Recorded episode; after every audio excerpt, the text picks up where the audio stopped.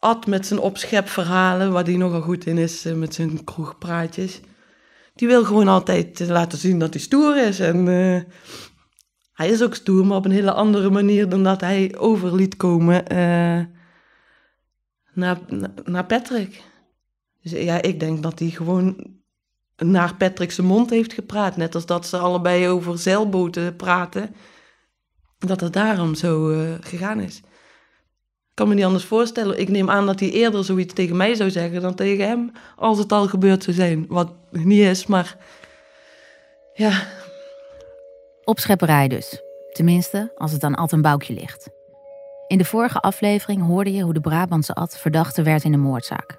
En hoe de politie vervolgens infiltreerde in zijn leven. Ze gebruikten de omstreden Mr. Big-methode om erachter te komen of Ad die moord ook echt gepleegd heeft. En na een jaar bekende Ad. Het lijkt dus heel duidelijk. Er wordt iemand verdacht van een moord, de politie gaat erop af en inderdaad, degene bekent precies datgene waarnaar ze op zoek zijn. Maar hoe betrouwbaar is dat verhaal van Ad? Het is nogal een gek verhaal, met een clown, een shredder en een bloembollenveld.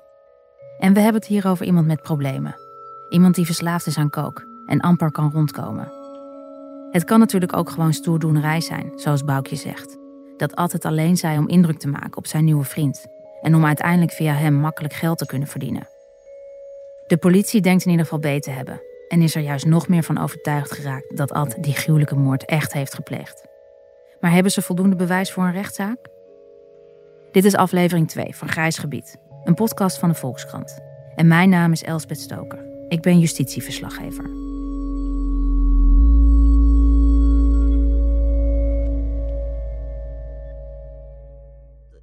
Eh, Ad vertelde nooit wat, wat hij had gezegd of wat hij verteld had. Maar hij vertelde wel, ja, met pet weg geweest en eh, daarheen gereden. En we hebben lekker gegeten onderweg. En ja, een beetje, hoe was het op het werk? Oh ja, gezellig. eh, meer zo, verder niet. En hij vertelde dus ook niet dat hij aan Patrick had verteld dat hij een Amsterdamse drugsdealer had vermoord. En dat hij daarna de resten over een bloembollenveld had uitgestrooid. In de maanden na dat bewuste gesprek over de moord blijven Patrick en Ad goed contact houden. Patrick haalt Ad nog vaak op bij de woonboot in Nederhemert om een stukje te gaan rijden. En op een gegeven moment vraagt Patrick Ad weer voor een klusje, waar hij makkelijk geld mee kan verdienen.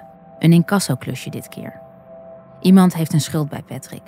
Ad moet samen met een andere undercoveragent geld en een duur horloge van die man afpakken in een Van der Valk hotel. En een tijdje daarna stuurt Patrick een foto van zichzelf. Vanaf een tropisch eiland, met om zijn pols dat peperdure horloge dat Ad had afgepakt. Die foto zal later weer voorbij komen, tijdens het strafproces. Nou, toen ben ik naar de politie gegaan en heb ik gevraagd: mag ik eh, kijken in de telefoon van Ad? Je hoort weer Vito Chikroula, Ads advocaat. En daarin zag ik dat undercoveragent Patrick een, een, zijn, een foto stuurde met daarop zijn hand. Met eh, daaromheen om de pols een Audemars Piguet horloge. En dat is een heel erg duur horloge. En op de achtergrond zag je een soort van geknipt eh, strandje met een palmboompje. En toen eh, was ik ook, dacht ik ook tegen, toen heb ik ook tegen Ad gezegd van Ad, had je dit nou niet door? Wat is dit nou voor goedkoop iets? Want die undercover agent die moest er zelf eigenlijk ook wel om lachen toen ik hem daarover hoorde. Van dat het eigenlijk wel een beetje amateuristisch was. Maar Ad heeft eind 2018 nog niks door. Het enige wat hij dan nog ziet is een mooie vakantiefoto en een dikke klok. De welvaart spat van Patrick af. En dat sterkt Ad in zijn overtuiging dat zijn nieuwe vriend zijn droom misschien toch kan laten uitkomen. Het eerste restaurantplan was dan misschien niet doorgegaan. Maar Boukje en Ad dromen nog steeds van een nieuw bestaan in Siem Reap in Cambodja. Deze keer hopen ze een krokettententje te beginnen. Want Ad wil per se die kant op. Hij mist nog altijd zijn dochter.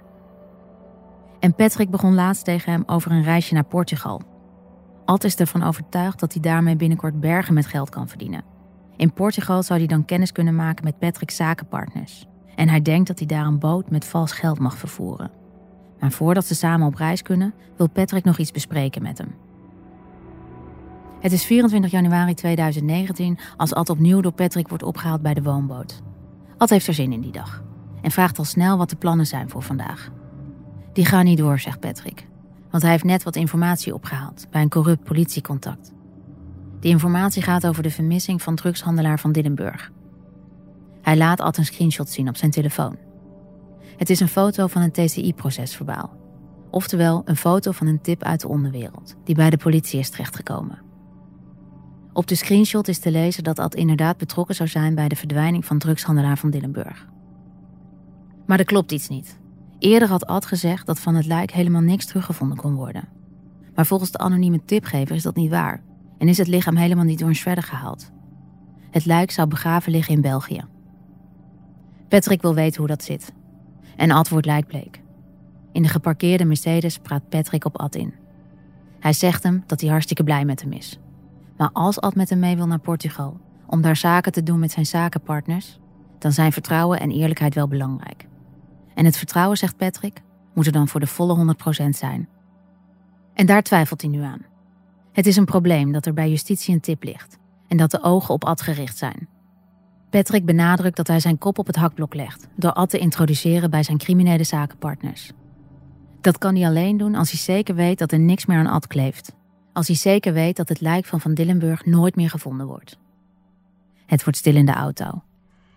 Ad leest het proces verbaal op Patrick's telefoon. Deze keer wil Patrick dus echt alles weten over de moord. De undercoveragent praat door. Hij zegt dat hij het verhaal van Ad fantastisch vond, maar dat het verhaal eerder paste bij een film. En dat hij het logischer vindt om een lijk in België te dumpen, dan in een shredder te gooien en over een bloembollenveld uit te strooien. Patrick zegt dat hij Ad wil helpen. Als hij precies vertelt waar het lijk begraven ligt in België, kan hij het wegpoetsen, zodat het nooit meer gevonden gaat worden. Alleen, Ad zegt niet wat Patrick wil horen. Hij houdt keer op keer vol dat de informatie over België niet klopt, dat de tip niet klopt en dat Van Dillenburg echt in de shredder is verdwenen. Patrick twijfelt. Die reis naar Portugal gaat in ieder geval voorlopig niet door, zegt hij.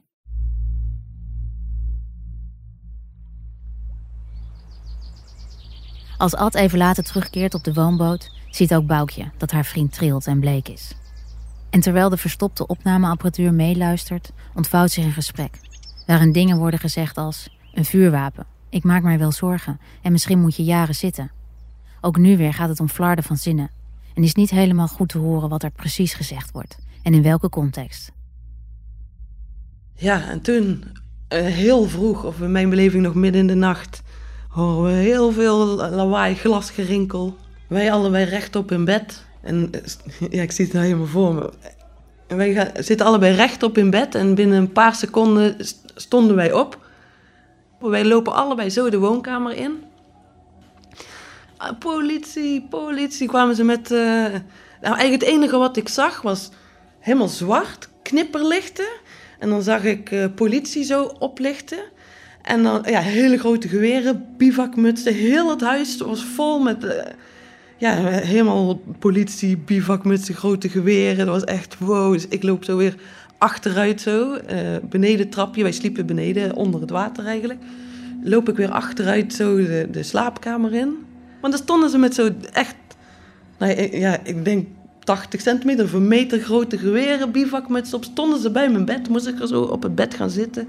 Uh, mijn, uh, mijn armen op mijn knieën leggen moest ik met mijn rug naar Ad toe. Dus ik zag hem in eerste instantie niet. En toen gingen ze zeggen... Ik kan het bijna niet uitspreken, maar misschien moet ik het zeggen. Uh, ze zeiden zijn naam. En dan... Uh,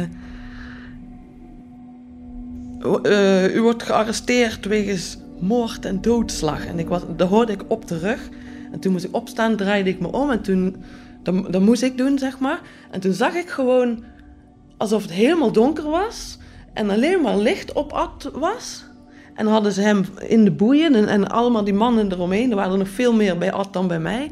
En um, ja, hadden ze, ja, ik weet niet, leek met tie wraps of met iets zwart zo. Uh, trokken ze zijn armen naar achter en hadden, had hij een, uh, hadden ze hem een masker opgedaan. En toen uh, namen ze mee.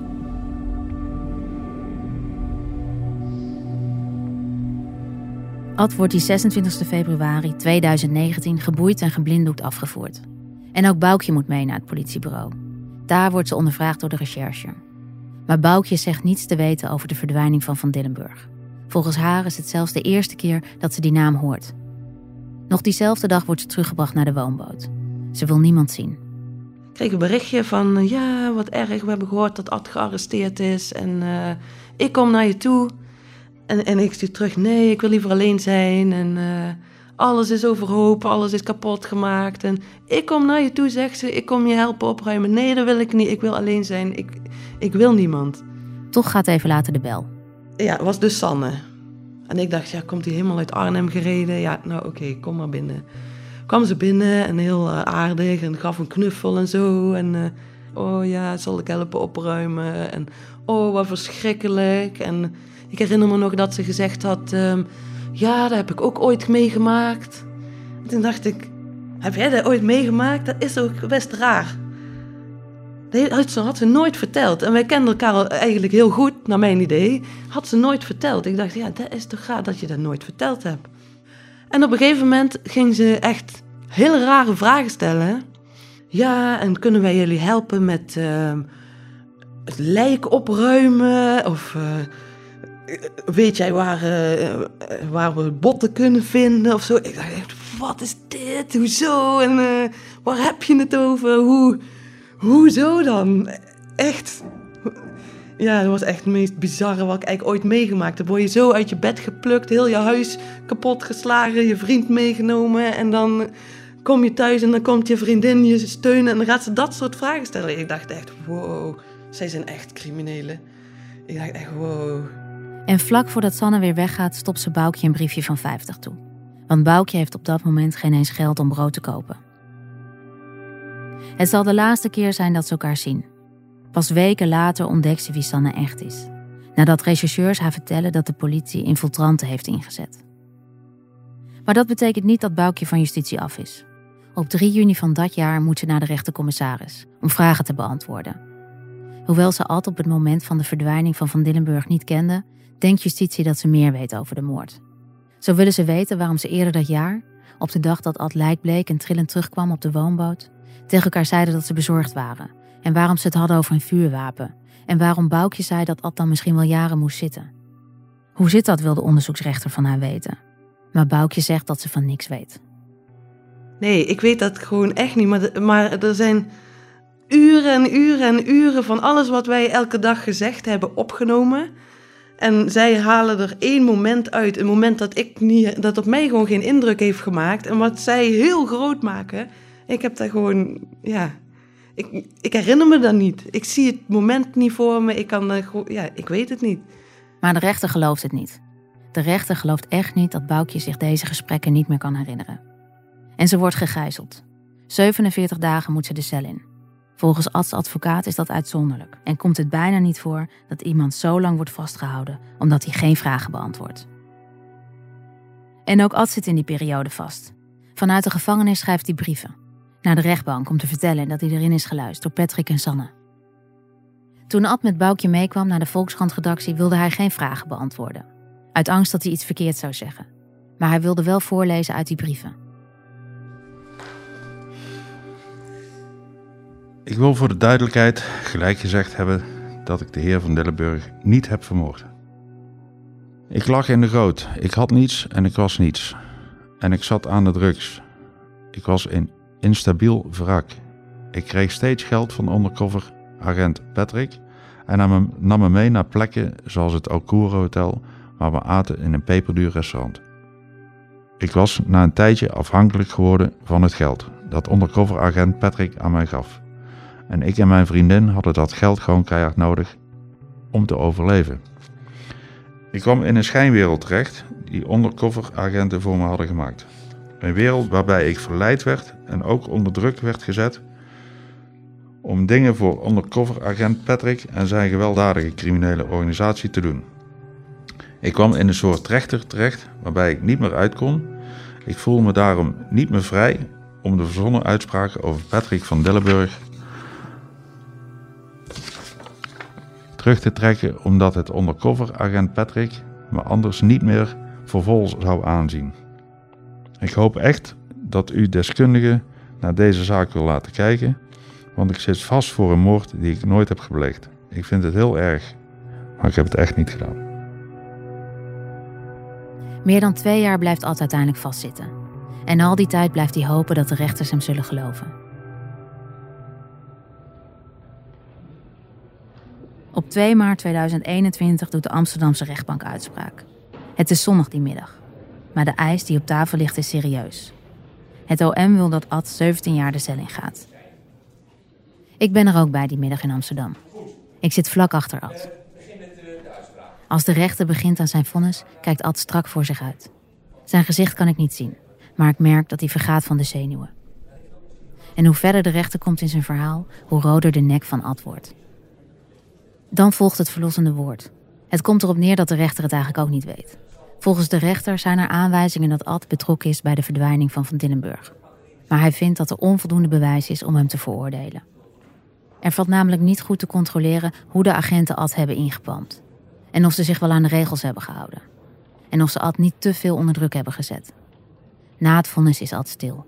Hij is helemaal beduust. Hij staat op en mag later die dag naar huis.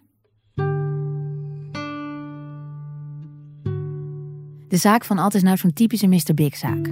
Een kwetsbare, zwakke verdachte wordt ingepand door undercoveragenten, die zich voordoen als topcriminelen. In dit geval is dat Patrick de Ridder, met zijn handeltje in vals geld. Ze ontmoeten elkaar, gaan steeds meer met elkaar om en worden zelfs vrienden. Het doel is dat de verdachte de undercoveragent gaat vertrouwen. En er worden gouden bergen beloofd, als de verdachte mee gaat doen in het zogenaamde criminele bedrijf. Maar dan is er wel een voorwaarde. De verdachte moet schoon schip maken en alles vertellen wat hij op zijn kerfstok heeft. En als het goed is, volgt dan de bekentenis waar de politie naar op zoek is. Maar de zaak van Ad legt ook meteen de valkuilen bloot van Mr. Big. Want wat ik al zei, de rechters zeggen dat ze op basis van het politiedossier niet goed kunnen controleren hoe de agenten Ad hebben ingepand. Het verhoren van de verdachte vindt bij deze methode op een heleboel plekken plaats, maar niet op het politiebureau, met een advocaat ernaast en een opnameapparaat. In de zaak van Ad zijn heel veel gesprekken niet opgenomen. En van wat er is opgenomen, is de kwaliteit lang niet altijd goed. En daardoor is het bewijs onvoldoende, zegt de rechter. Maar dan is er nog iets, die bekentenis. Daarover blijft in de zaak van Ad één vraag in de lucht hangen. Volgens Ad bekende hij een moord uit stoerdoenerij. Hij wilde indruk maken op undercoveragent Patrick. En toen hij eenmaal over de moord had verteld, durfde hij niet meer terug. Uit angst dat hij dan geen klusjes meer zou krijgen van Patrick. Maar als je nou kunt kiezen uit alle moorden die je kunt verzinnen, waarom beken je dan juist de moord waar de politie onderzoek naar doet? Het is zo dat uh, ja, het gaat hè, om uh, de verdwijning van Patrick van Dillenburg. En op het moment dat een undercoveragent zich ook voorstelt als Patrick, geïnteresseerd is in schilderijen. Nou, Ad, die had gehoord over Patrick van Dillenburg in het verleden, heeft hem ook wel eens gezien en wist ook dat hij betrokken was bij schilderijen. Van Dillenburg had namelijk begin jaren 90 20 schilderijen gestolen uit het Van Gogh Museum. Um, en er werd een soort connectie gemaakt, waardoor Ad dus als het ware ging denken aan Patrick van Dillenburg. Omdat die undercover agent Patrick zich ook deels ging spiegelen aan die Patrick van Dillenburg. En daardoor sluipt dat als het ware in zijn hoofd. En hij wist dat Patrick van Dillenburg op een gegeven moment verdwenen was, dat wist Ad. Dus Ad kwam eigenlijk in de situatie dat hij ook met een stoer verhaal de prop moest komen. En toen dacht, hé, hey, dat verhaal zou ik kunnen vertellen. Volgens zijn advocaat is de bekentenis dus vals. Eh, dat je eigenlijk een kwetsbaar persoon, uh, zonder financiële middelen, die ook nog eens verslaafd is, in een positie kan brengen dat hij dingen gaat zeggen om een doel te bereiken. En dat was in dit geval dat Ad geld wilde hebben om naar zijn dochter te kunnen gaan, om een beter leven te kunnen leiden. En hij kreeg daar het idee dat hij dit moest gaan uh, vertellen, dit verhaal, over ja, die schermmoord, zoals het in de media is gaan heten. Maar hoe weet je dat nou? Of een bekentenis vals is of niet? Dat hoor je in de volgende twee afleveringen. Maar dan wel aan de hand van een andere moordzaak. Dan vertel ik je over een moord op een jonge moeder, die volgens justitie gedood werd door haar vriend. Ook hij claimt de valse bekentenis te hebben afgelegd, onder druk van Mr. Big. En wat betreft Ad en Boukje? Die zijn inmiddels weer thuis. Althans, niet meer in hun geliefde woonboot. Kort na Ads arrestatie moest Boukje eruit van de huisbaas. Ze zitten nu met z'n tweeën in een containerwoning van 18 vierkante meter. En ook dat krokettententje is voorlopig op de lange baan geschoven. Nou ja, eigenlijk alle nieuwe mensen die ik ontmoet, die vertrouw ik sowieso niet. Ik maak niet, ja, eigenlijk geen nieuwe vrienden meer, of oppervlakkig. Maar ik laat niemand meer zo dichtbij. Nee, nooit. Ook uh, als er bijvoorbeeld nieuwe collega's komen op werk. Of um, ja, als er gewoon ja, ik weet niet. Ik zie nou overal auto's die me achtervolgen. Of um, ik durf sommige woorden niet eens meer te zeggen. Gewoon omdat zoveel van mijn woorden uit verband gerukt zijn. En zo. Ja, dat is gewoon bizar. Vrij voelen ze zich niet. En daar komt bij dat justitie nog lang niet klaar met ze is. Direct na de uitspraak in maart kondigde het OM aan in hoger beroep te gaan, zodat Ad alsnog die 17 jaar krijgt. En ook in hun dagelijks leven worden ze nog geconfronteerd met de gevolgen. Ad is niet altijd welkom op feestjes. En Boukjes moeder was lange tijd bang voor Ad, omdat ze dacht dat hij gevaarlijk was. Ad is niet gevaarlijk, Ad is echt heel lief. Elke dag als ik thuis kom, heeft hij mijn containertje, mijn kleine containertje, heeft hij netjes schoongemaakt, heeft hij lekker eten gemaakt. Is hij naar de winkel gewandeld, want heeft, heeft nog geen fiets. ja, daarom ben ik trots op Ad, maar ook op mezelf. En ook al hebben we maar weinig, we doen het goed.